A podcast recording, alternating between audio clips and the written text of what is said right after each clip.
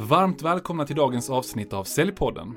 Podden där vi träffar toppsäljare och specialister inom olika områden som hjälper oss som arbetar med försäljning att prestera på topp. Leonardo Johansson heter jag och med mer än 15 års erfarenhet inom försäljning och fyra säljchefstjänster i bagaget så utmanar jag våra gäster så att du som lyssnare kan få massor av bra tips som du kan ta med dig i din arbetsvardag. Och idag har vi ett kärt återbesök av världskändisen inom kommunikation, nämligen Anthony Lassinai. Han har skrivit hela 14 böcker och brinner för att hjälpa säljare med bland annat övertygande kommunikation. Och vi ska prata om inget mindre än hur man bemästrar mässförsäljning idag. Alltså när du besöker en mässa eller står i en mässmonter och vill maximera utfallet av din tid. Så varmt välkommen här igen, Anthony.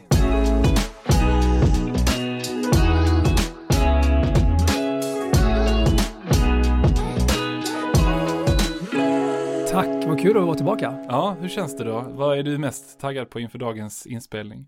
Ja, men det är ju att prata om detta ämnet förstås och träffa dig igen. Det var roligt. Jag, på en gång, ni ser inte det, men han ler härligt och sådär och man blir bara varm och glad. Nej, vad härligt, vad härligt. Och du har till och med skrivit en bok inom mässförsäljning. Eh, och du kanske skrivit någon uppdaterad version nu har jag för mig. Ja, jag, jag, skrev en bok tillsammans med Åsa Dahlqvist för några år sedan som heter Så får du bättre möten på mässan. Mm. Ganska lång och tråkig titel kan jag tycka, med ett grönt omslag som inte heller var så kul, så att vi har gjort några missar på vägen där. Mm. Men innehållet är bra. Okay. Och inte så mycket till för den som besöker mässan som för den som faktiskt ställer ut och står där på mässgolvet, alltså i montern. Just det. Och eh, du har gjort någon uppdaterad, du har någon ny bok på gång också inom det här ämnet eller i den, något liknande på engelska? Det, det, är faktiskt en engelsk översättning som ett förlag som finns i London, New York och Dubai nappade på. De sa att det här vill vi ha. Mm. Så att de håller på just nu att jobba med den och eh, redigera den och så vidare. Så mm. att ja, den kommer väl ut under året. Ja, ja, men kul att prata med en sann specialist på mm. mässförsäljning. Jag tänkte fråga dig, de som inte arbetar med mässförsäljning idag, tror att de kan få något värde av de tipsen som du tänkte tänkte förmedla i det här avsnittet? Det finns massor som man kan plocka från eh, den typen av försäljning. Både om man jobbar till exempel i butik eller om man jobbar med rena kundmöten. Mm. Eh, men jag kallar ju boken på engelska för speed selling och det säger väl någonting om hur det är att jobba i den typen av värld. Ja, men och vad innebär det här då, speed selling?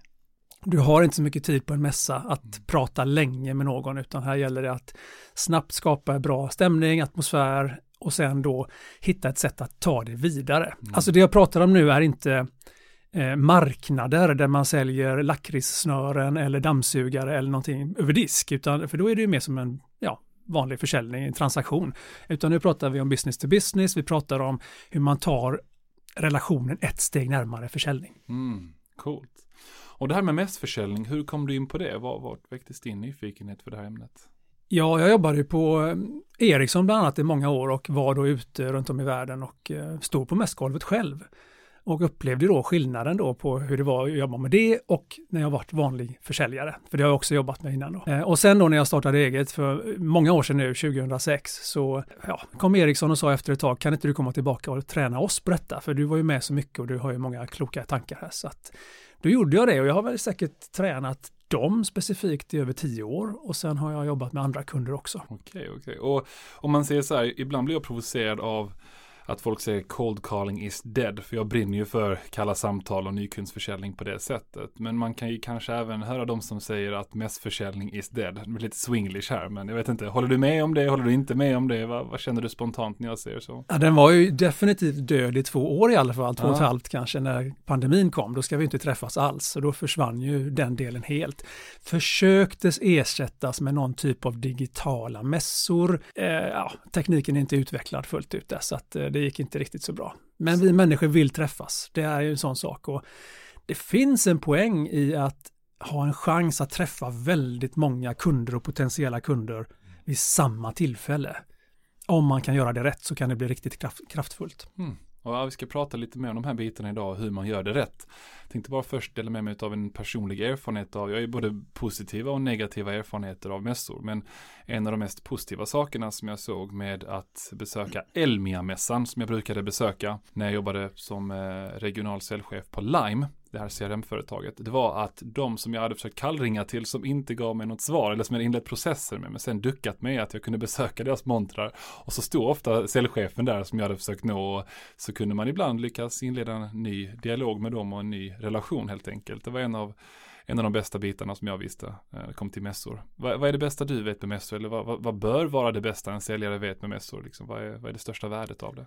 Ja, det är ju att bygga relationer och eh, skapa och ta fram högkvalitativa leads. Mm. Det är ganska kul också, ofta, ja, men det är också mycket slit. Ja att, att vara på mässa, det är det. Mm. Att stå på mässgolvet, det är, det är rent jobbigt alltså. Mm. Men om man gör det bra som sagt var så kan man vinna mycket. Du, och jag ska fortsätta ja, utmana lite grann. Jag sa att jag både hade positiva och mm. negativa erfarenheter. På ett annat företag som jag jobbade på, då gjorde vi en analys av våra olika nykundsaktiviteter, alltså olika saker. Vi gjorde kallringningar och så stod vi på mässor, hade webbinarier, seminarier och liknande. Och så såg vi att det här med att satsa både pengar och resurser på mässor, att det var något, eller en av de aktiviteter som gav oss sämst utfall sett till den pengen vi investerade i det.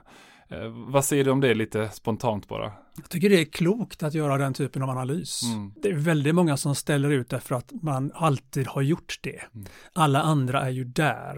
Mm. Um, ja, det är mer som att man gör det av kutym, någon slags tradition. Men att ställa den frågan är viktig och känner man verkligen att vi har gjort det vi ska. Det är inte bara så att idén kanske var bra eller dålig utan vi har, inte ut, alltså vi har utfört det på ett bra sätt och det fortfarande inte ger det utfallet vi vill. Då kan man ju verkligen fundera. Just det. Ska vi vara här eller inte? Mm. För det är ju så med allt vi gör då, som kostar pengar. Ska vi lägga det på en sak eller på en annan? Mm. Nu har jag till exempel en eh, jag vet inte varför, men plötsligt är det många som kommer till mig och säger, hej, vill du vara med i våran bok som vi ska släppa runt om i världen med Vem är vem och de hundra viktigaste hit och dit och det kostar bara 30 000 eller 40 000 eller, eller vad det kan vara för någonting. Men det är inte så bara. Jag måste ta ett beslut på om jag tycker att det är bättre än att istället kanske anlita någon som jobbar med leadshantering till mig eller jobbar med någonting helt annat. Mm. Så att jag tycker att det är bra att analysera. Och med det sagt så om du får dit dina befintliga kunder, då kan du träffa jättemånga på en gång, skapa fin kundvård. Och om du vet att det här är ett tillfälle att träffa många prospects och du tror att du kan få en return on investment på det, mm. då finns det också möjligheter. Och jag vet bolag som har räknat på detta och kommit fram till att nya leads har gett dem mycket mer pengar än vad de har investerat i själva montern. Mm. För det är som du säger också, det är dyrt, alltså jämfört med mycket annat. Det, det är personalintensivt, du ska ha folk där, de ska, du ska ha en monter som ska se snygg ut och det kostar, allt kostar, varenda eldragning kostar. Mm. Så det är inte gratis alltså, det, det ska man ha med sig. Och det finns en annan poäng i det hela också, någonting som jag under den tiden då jag gjorde den här analysen kanske inte riktigt hade jättebra koll på.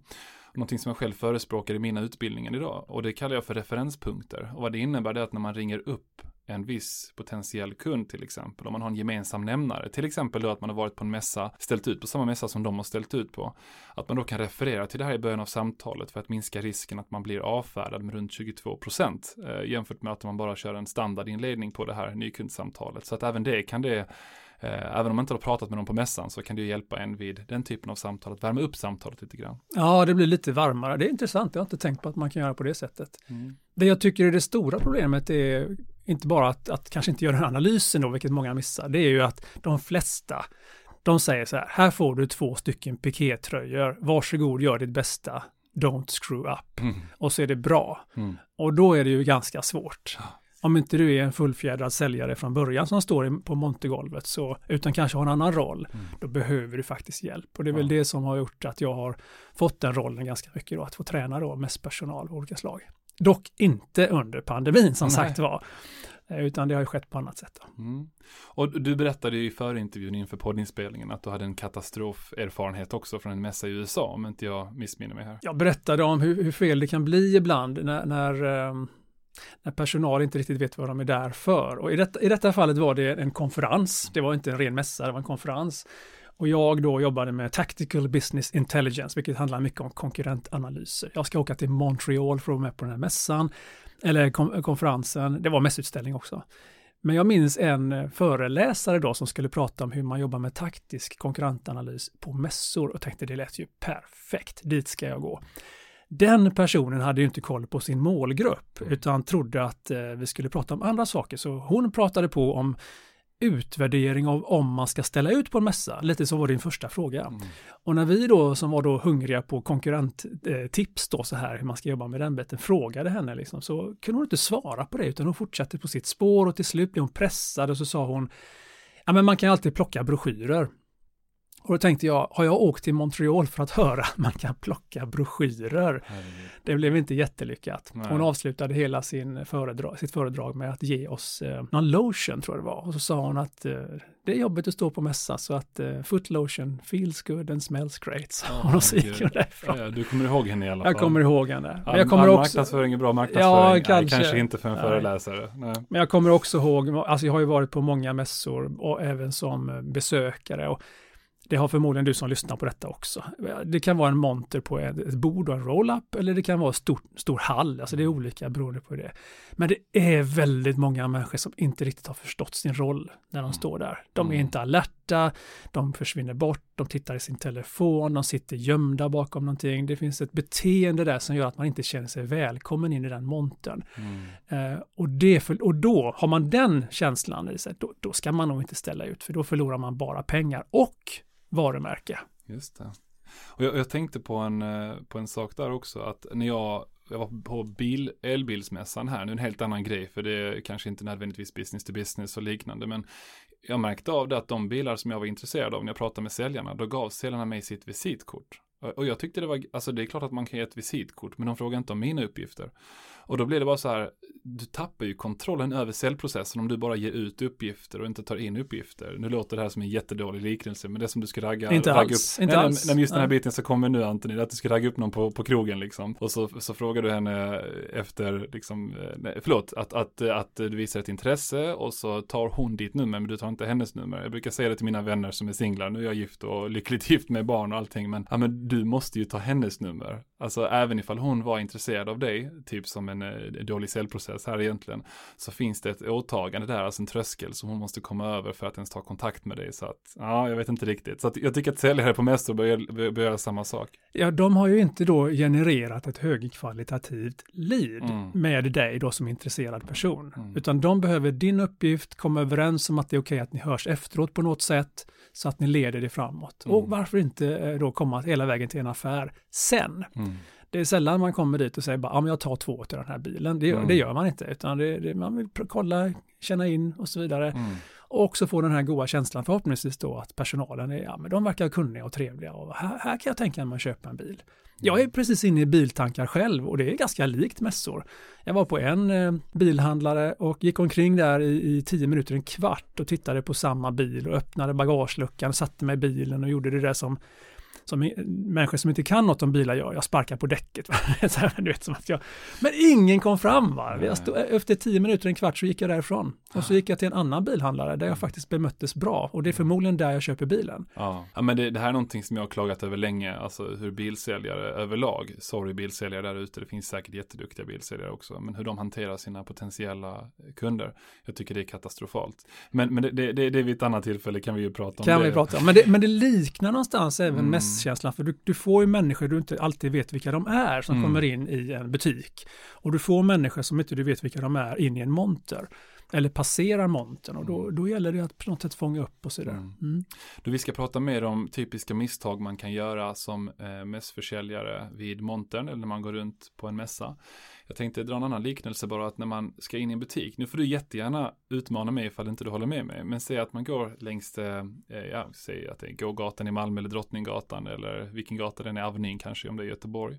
Och så kikar man in i en butik, om man då ser att en säljare står och bara liksom tittar på en, nästan så att det känns som att den stirrar på en innan man ens har kommit in i butiken, men det är knappt något folk där inne. Jag vet inte, jag får en, jag har själv jobbat i butik länge, får en lite sån här känsla, ah, kanske inte gå in här, jag känner mig väldigt liksom, vad ska man säga, blottad på något sätt. Eh, Men jag gillar inte heller någon sitter och, och kollar in i sin telefon, det känns som att de inte säljer någonting, utan jag gillar snarare att man ser att de är aktiva, men att när man väl har kommit in, liksom är innanför zonen, om man ser så, att man då tar ögonkontakt och ett leende och liknande. Eh, Förstår du lite grann vad jag är ute efter och håller du med eller vill du utmana mig?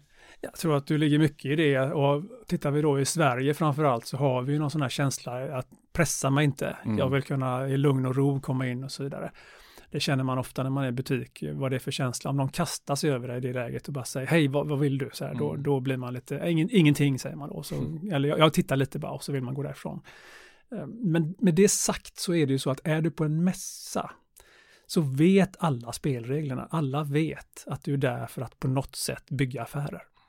Eh, och alla vill få reda på, liksom, är, är, du rätt person för mig att, att prata vidare? Så att där, där tillåter man nog sig själv lite mer än vad du gör när du går där på Drottninggatan. Ja, eller man bör kanske tillåta sig själv lite mer än vad man gör. För att det är som du säger, att när man är på sådana här mässor, det är inte jättemånga säljare som är tillräckligt proaktiva, utan man sitter och kanske väntar i sin monter. Det behöver kanske vara ännu mer utav detta, att titta in i ögonen direkt när någon går förbi och försöka fånga deras ja, uppmärksamhet. Ja, och där är väl en skillnad då mot en vanlig butik, skulle mm. jag vilja säga, där man, där man då kanske vill att de ska komma in först, få åtminstone tio sekunder innan man säger hej. Men man kan, där, där vill man också er, bli erkänd ändå, när du kommer som kund in i en vanlig butik så vill du fortfarande att de erkänner din existens. Mm. Eh, det missar många redan där. Va? De pratar med varandra istället. Två butikssäljare pratar med varandra. Det vill du inte ha där och det vill du inte ha på mässan heller. Men på mässan kan du vara lite mer proaktiv, lite mm. mer offensiv än vad du kan vara Just i en butik. Det. Kolla Hötorget istället när man går där och de säljer eh, blommor och, och, svamp och sånt där. Där kan de gärna prata med någon som går förbi och man blir inte störd alls utan man fattar att det är en del av spelet. Cool. Men du, ska vi pr prata vidare om det här med fallgropar när man står på en mässa, typiska misstag man gör. Du har säkert nämnt ett par stycken, men vi kan bara förtydliga dem. Ja, det viktigaste, den största är väl att du verkar ointresserad. Mm. Att du på något sätt tycker att annat är viktigare än den besökaren som till och med kanske kliver in i din monter. Mm.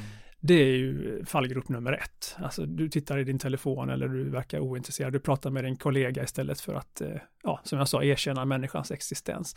Den är ju jättesvår. Mm. Den andra som jag tycker är en stor fallgrop är att när du väl hamnar i en möjlig diskussion så pratar du på. Jag kallar det för hårtorkseffekten ibland. Va? Du bara blåser på ditt snack så att det, håret blåser bakåt på stackaren som lyssnar. Och du kanske inte ens vet vem det är du har framför dig. Du bara snackar på. Det är eh, fallgrop nummer två skulle jag säga. Sen finns det många praktiska saker. Om det här är en tre dagars historia och du tycker att eh, du är där bara för att festa och det luktar sprit om det och sånt här när du, dagen efter. Det är ingen höjdare alltså. Och det är en klassiker, man kan, man kan kanske skratta lite grann åt det här om man lyssnar på avsnittet, men det är väldigt många tyvärr som, som kör all in under mässdagarna. ja, som, som att det är en stor personalfest. Ja, precis. Istället för att det är en, en idrottsprestation faktiskt, mm. nästan. För du, du ska ju liksom vara på topp ganska länge. Ännu en fallgrop är de som plockar ihop innan mässan är slut. Mm. Eh, som tycker att det är bara två timmar kvar. Vi släpper det här. Tänk om det kommer en viktig potentiell kund då. Mm. Eh, du är inte klar förrän mässan har stängt, folk har lämnat och du har börjat packa ihop. Och egentligen är du inte klar då heller, för det är då du ska leverera på det du lovat. Mm. Du har tagit kanske kontaktuppgifter till ett antal personer, nu är det dags att höra av sig. Mm. Så det finns många saker som händer både före och efter en mässa. Mm som också är en del av mässupplevelsen egentligen. Har du bjudit in dina befintliga kunder till den här mässan? Till exempel. Mm. På något schysst sätt. Eh, har du hållit vad du lovat efter mässan? Jag menar om du har fått skapat en förväntning om att du, säg att du går på den här bilmässan, elbilsmässan och det faktiskt är någon som tar ditt namn och nummer och sådär och sen hör av sig. Du kommer ju tycka att det är bättre än om de inte gör det. Ja. Ja, där var jag och pratade med dem, men de hörde inte ens av sig efteråt. Ja, det ger ett väldigt, eller mycket mer professionellt intryck och snarare tvärtom ifall man inte gör det. Ja, precis. Ah. Så det är väl några stycken av fallgroparna mm. som vi kan se. Det finns många fler, men, ja. men det här är några av dem. Men vad är det första man säger då? Alltså vad, vad, vad, är det första jag säger till någon som jag ser, kommer förbi min monter, tittar lite grann smått nyfiket, liksom. vad, vad, tycker du? Ja, men i den här boken då som vi pratade om så ja. har vi introducerat något som kallas för möteshjulet med okay. sex stycken ekrar. Mm -hmm. eh, och den första eken kallar vi för hej. Mm -hmm. Då är det ju så att om du bara säger hej när någon går förbi så kommer de förmodligen att svara med ett hej och sen fortsätter de gå. Just det. det räcker inte så långt. Det, det här talar bara om att jag ser dig. Mm.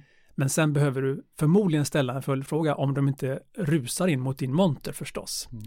Eh, och det kan vara eh, saker som, vad är du nyfiken på? Mm. Eh, vad jobbar du med? Mm. Det kan vara, det beror ju på vem det är som du har framför dig. Kanske om det, om, säg att det är en, eh, vi tar ett helt annat exempel, det är en skolmässa, så utbildningsmässa. Ja men okej, vad är du intresserad av att läsa vidare till? Mm. Skulle kunna vara en sån fråga. Om de har kommit hela vägen kanske till dig, till och med klivit in ett steg.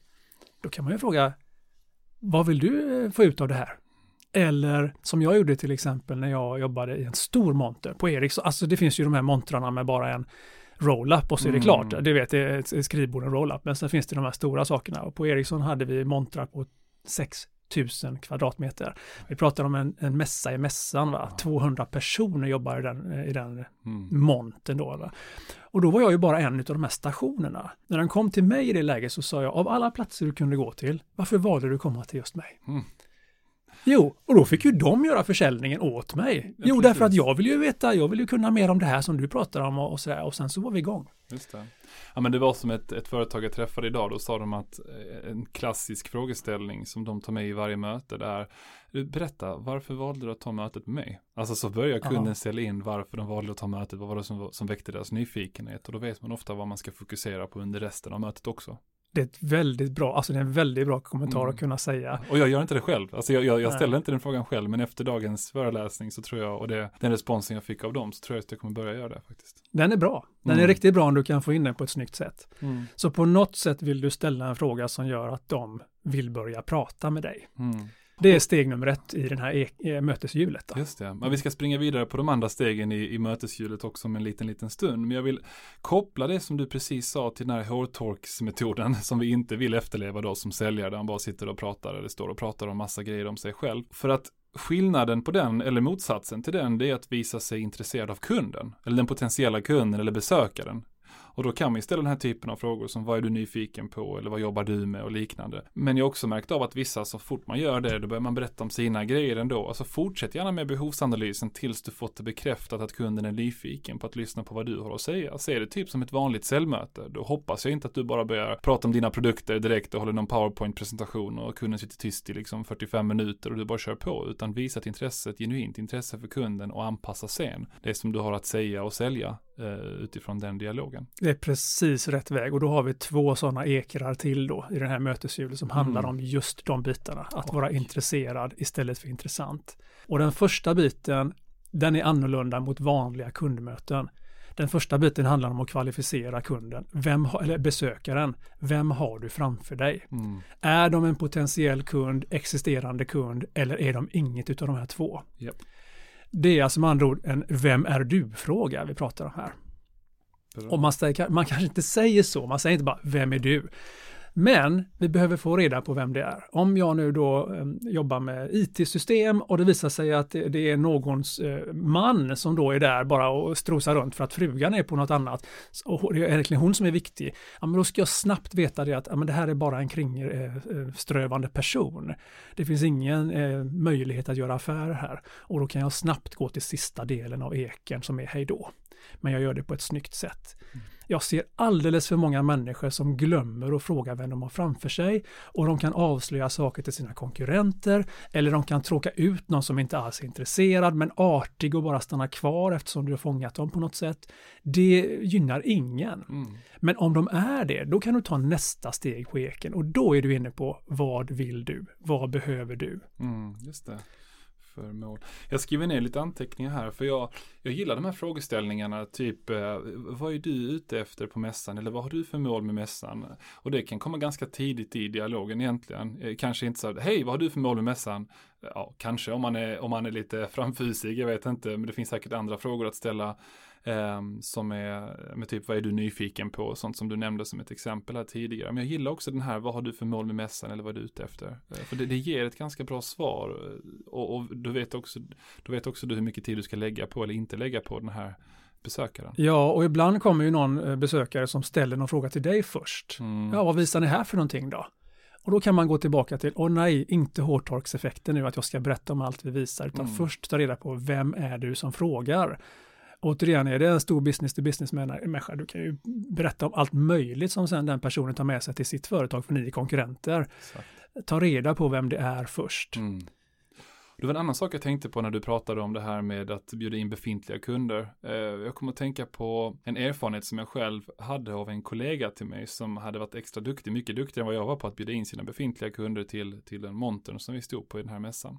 Och vad som hände då, det var att eftersom det fanns många potentiella kunder på mässan också, att det var av någon konstig anledning perfekt timing att en av våra, liksom, de prospects vi hade med störst potential besökte vår monter precis när vi hade två andra jättenöjda befintliga kunder som besökte den. Som vi då visade upp vårt system och vad det kunde göra. Då nämnde vi det att men Axel här, han är ju faktiskt kund till oss. Berätta Axel, vad har du sett för värden av eh, det här verktyget och liknande. Så man kan kunde till och med sälja in verktyget med hjälp av de befintliga kunderna. Och, och sen en annan grej också att ju fler personer som står och pratar med dig i din monter, desto mer intressant ser det ut det, det som du har att erbjuda. Så då är det bra att ha befintliga kunder på plats. Ja, man, man, vill inte ha en tom monter. Det lockar inte folk in i montern om inte de har ett väldigt specifikt intresse av att komma till just dig utan du vill ha lite folk där. Ah. Eh, problemet ibland eh, som jag ser är att när det kommer kollegor, vi säger att det är lite fler människor, att det är inget litet företag, det är ett mellanstort eller stort företag och då vill ju gärna kollegorna också hänga där i montern. Och det tycker jag är helt okej, okay, så länge de fattar att så fort det kommer in en annan besökare, mm. då ska de smyga sig lite bort åt sidan så att vi kan ta hand om dem. Annars blir det klubben för inbördes och så glömmer vi de riktiga besökarna som vi är där för. Ja. Men det är, gärna, det är bra att ha folk alltså. Ja, det är bra att ha folk. Mm. Det, det, märker man också av, eh, såg någon studie för, ja, det var ett bra tag sedan jag jobbade inom detaljhandeln med att ju fler personer som är i en butik, desto fler personer lockade också. Ehm, så att eh, folk, det är lite så här sociala bevis och social påverkan, att folk tror att det är någonting bra på gång där ifall det är mer folk där. Är det helt tomt så vill man inte Ja, men det surrar av energi. Mm. Energi är en av mina, jag pratar mycket om kommunikativa superkrafter, det, det funkar som en magnet. Mm. Gå på en restauranggata. Det är några restauranger som har folk, musik, skratt och sen är det några som är tomma. 90% väljer att vilja gå till där det är folk. Mm. Och sen finns det alltid någon, oftast en ingenjör, som säger nej, jag har räknat på det, jag får mat snabbare på det här tomma stället. Men, men, generellt sett är det så att vi vill vara där andra är. Ja. Det kallas för social proof också. Att det ja, betyder att vi, om andra verkar vara där så vill ju vi också vara det. Ja, exakt. Jag kanske hade valt det där tomma stället beroende på hur, hur hungrig jag är. Ja, Annars risken är att du får matförgiftning snabbt också. Det säger då, ja, om inte maten har liksom levererats eller snurrat. Ja, precis. Mm. Okej Antoni, du, jag är rätt nyfiken på andra delar utav den här sexstegsmodellen som du förespråkar, eller egentligen att vi tar en liten recap på samtliga delar där. Så vill du gå igenom det steg för steg igen så att både jag och lyssnarna får stenkoll på de här, ja, vi... vad kallas det för förresten? Sex... Ja, möteshjulet. Möteshjulet, ja. sex steg i möteshjulet. Ja, precis. Ja, Berätta gärna. Ja, vi pratar om att det första är att eh, väcka någon slags eh, hej, hej-intresse, inte bara hej, utan men, men lite mer än så, men att eh, erkänna att människor finns, se dem, le, eh, skapa ett intresse snabbt. Nästa steg är att ta reda på vem det är du har framför dig, så att det är rätt person du ska ägna tiden åt. Mm. Eh, är det inte det, gå vidare till hej då-fasen på en gång. Mm. Nästa steg efter det, det är att ta reda på behovet. Om de är då en person som skulle kunna vara en kund eller är en kund, då kan vi prata vidare med det. När du kommit så långt, då är samma där faktiskt, om du upptäcker att de har faktiskt inte behov av min lösning, min produkt, då kan du också på ett snyggt sätt eh, säga hej då. Och inte slösa tid för någon av er. För Hur det är man det så. Då? Ja, men då kan man ju säga det, att vet du vad, jag har inte det som du söker. Ja. Bra, ja. jag tyckte det var jättebra. Ja. Vet du vad, jag, jag, tycker, tycker det är jättekul att prata med dig. Jag, jag måste bara erkänna att jag har faktiskt inte det som du söker. Och, alltså jag tycker det är jättebra. Ja, och, och, och, står du där utan att det är massa andra folk kan ni prata en stund till, men mm. annars så bara säger jag tror att du ska, alltså då kan man bara säga, men, men stort tack för att du stannar till. Ja, exakt. Du kan ju också beroende på liksom hur bra ni har börjat hitta varandra säga, men du, känner du någon som behöver detta då? Mm, bra. Och så kan man gå vidare den vägen kanske. Precis. Men om vi säger att du nu har lyckats med att eh, ta det så långt och de, ni har byggt den här relationen redan tidigt, för det handlar mycket, mycket om att känna, att få den här komma på samma våglängd och sådär va. Och det börjar faktiskt egentligen innan du ens går in i möteshjulet med eh, innan du öppnar munnen med första intrycket. Det ska vi inte glömma, det kanske vi kan ta upp också sen. Mm. Eh, men vi säger att du kommit så långt, eh, det är rätt person, de har ett behov som du kan möta. Nu är det dags för dig att berätta vad du kan göra för dem. Du kanske har kört en sån här elevator pitch inledningsvis om de säger hej, vad, vad har ni för någonting här då? Då kan du på 30 sekunder bara berätta kort vad det är för någonting ni gör och för vem ni gör det och vilken nytta det ger. Pang! Men sen direkt gå över till att fråga. Den som frågar styr konversationen, det är mm. rätt så bra att ha med sig. Men sen kommer du till en fas när de förväntar sig att faktiskt du ska berätta någonting. Mm. Och nu kan du berätta hur du möter det behovet, de målen de har. Det är ett bra läge, men gör det inte till ren monolog. Ingen hårtork här heller, mm. utan det ska finnas utrymme för dem att uh, hoppa in. Du kan ställa någon fråga till till dem. Stämmer detta med din bild? Har du också det så här? Mm. Märker du att? Och sådär. Men så fortsätter du att berätta om vad du kan göra. Men du gör det inte som en lång, lång produktpresentation. Du kan inte göra det som om du har kundmöte på en timme. Mm. Utan vi pratar om att hela processen går på 5-10 minuter. Mm. Så du gör det kort och du förklarar lite ut, mer utförligt vad det är du kan göra för dem. Kanske några bitar om hur du gör det. Och sen är det dags att gå till nästa fas. Och nästa fas är, ja då har du sagt liksom, det här, det här kan vi göra för dig. Då är nästa fas, vad är nästa steg? Mm. Och här kommer vi in då på att, att det kan finnas olika vägar att gå. Nu pratar vi om closing techniques, avslutstekniker. Och de ska oftast ske när kunden är som mest intresserad. Inte när de är som mättast. Mm. De ska vara hungriga i det här läget. Det är då man kommer fram till nästa steg utanför mässan. Mm, och jag ska bara hoppa in med en snabb sak här. Ofta ja. när man pratar om avslutstekniker så tänker de flesta säljare på, ja men här ska jag avsluta affären. Nej, det behöver det inte innebära, utan här är det alltså ett avslut inför ett nästa steg. Oavsett om ett nästa steg är att du ska sälja någonting eller försöka boka ett möte med dem som då innebär det här nästa steget. Så att, bara så att vi alla är medvetna om vad vi pratar om. Precis, du vill skapa ett åtagande hos mm. den här kunden eller potentiella kunden för en fortsättning. Om vi nu pratar om den typen av mer komplex försäljning, någonting som kräver mer än ett snabbt möte där man köper ja, dammsugspåsar eller vad det är för någonting. Vi pratar om den här lite längre försäljningen, mm. kanske ofta business to business, men ibland även business to consumer om det kanske till exempel är som du pratar om en, en produkt som kostar mer. Du kanske mm. är på en småhusmässa, du köper inte den över disk, men du, du vill ta först nästa möte och prata om hur huset ska designas yep. eller något sånt där. Så att det är ett steg närmare sälj du är ute efter. Mm. Och ditt jobb är att skapa ett åtagande. Om de är intresserade av det du håller på med, då är det din uppgift att ja, generera ett högkvalitativt leads. Mm. Antingen till dig själv om du är säljaren som är ansvarig för det, eller till den ansvarige säljaren som är det. Mm. Och det är ganska bra, alltså då kan man också snabbt få reda på om det är hot or not, som vi brukar kalla det för. Alltså är det hett eller inte? Är de inte beredda, om de är rätt person här, och du har sålt in det på ett bra sätt och har ställt eh, liksom behovsfrågorna på rätt sätt, eh, och de sen inte är redo att ta ett nästa steg men inte kan committa sig till det, åta sig till det, då brukar det vara ett tecken på att de inte är så pass intresserade som du hade hoppats på. Och då kanske inte du bör lägga alldeles för mycket tid på dem sen heller, eller? Nej, det, och då är det lite synd att man har gått så långt då, men det kan ju vara att de är fel person. De mm. är intresserade, men det finns någon annan som bestämmer. Mm. Här gäller det att ta reda på vem är det återigen du har framför dig. Är det, är det chefen med budgeten eller är det någon som är en influencer som kan hjälpa dig att öppna en dörr? Men att skapa någon typ av första steg, det, det borde man kunna klara av i detta läget om kunden eller prospektet är intresserade och mm. har nytta av din produkt mm. eller tjänst. en annan sak jag tänker på nu när vi pratar om de här bitarna och det är story selling. Alltså historier är mer minnesvärda än ren fakta oavsett vad man pratar om inom försäljning. Och du vet allt ifrån de som ska försöka komma ihåg eh, bokstavskombinationer, siffror och allt möjligt som man har sett i, på tv och Guinness rekordböcker. De använder ju stories för att med stories och bygger upp en historia för sig själva för att komma ihåg allt det här. Så för det första är historier minnesvärda och för det andra så kan man påverka eller ofta lyckas påverka både det eh, rationella och emotionella delen av kundens köpbeslut genom rätt typ av story. Så det är väl någonting man bör träna på inför en mässa och kanske samla säljgruppen om man har en liten säljgrupp. Eh, alltså hur man ska berätta stories och vilka stories som är viktiga att berätta eh, under de här minuterna eller sekunderna man ibland har med potentiella kunder under en mässa. Eller vad tycker du? Storytelling is the shit när det gäller att nå in i en annan människa, inte bara nå ut. Mm. Så att när jag pratar om, om den delen av försäljning som handlar om presentationer och sådär, så är storytelling det första jag brukar lyfta upp faktiskt. Mm. Jag kör ju program i detta i presentationsteknik mm. och sådär. Storytelling äger, mm. verkligen. Mm. Men här gäller det att tänka efter igen. Du kan inte berätta en lång, lång historia på ett, på ett möte på tio minuter. Mm. Utan nu kanske vi pratar mer om anekdoter, vi kanske pratar om exempel. En annan person hade också samma. Jag har precis pratat med en kund som hade den här utmaningen och löste det på det här sättet. Mm. Alltså det, det kanske går på 20 sekunder så har du berättat en så kallad story.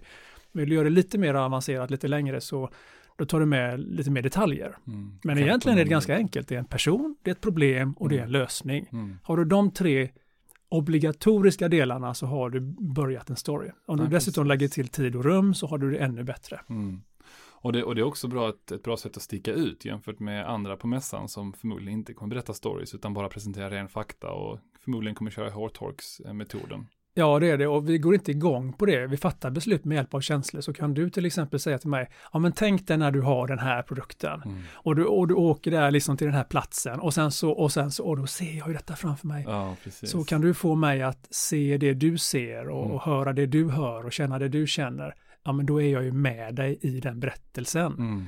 Och då kommer jag också att vilja, alltså då kommer värdet till och med på produkten att öka. Det har ju visat sig att, att eh, om, du, om du lägger till en story till en produkt så ökar du värdet på produkten. Mångfalt alltså. Wow. Det är ganska, har, har, vi pratat om det Nej, och jag tror inte det faktiskt. Okej, så detta är, detta är Ja. ett exempel. En reporter i USA köper 200 värdelösa prylar på Ebay. För Mm. jag tror, om jag minns rätt, eh, 127 dollar sammanlagt. Mm. Någonstans där. Och sen så ber han 200 skribenter att skriva en story till varje produkt. Okej.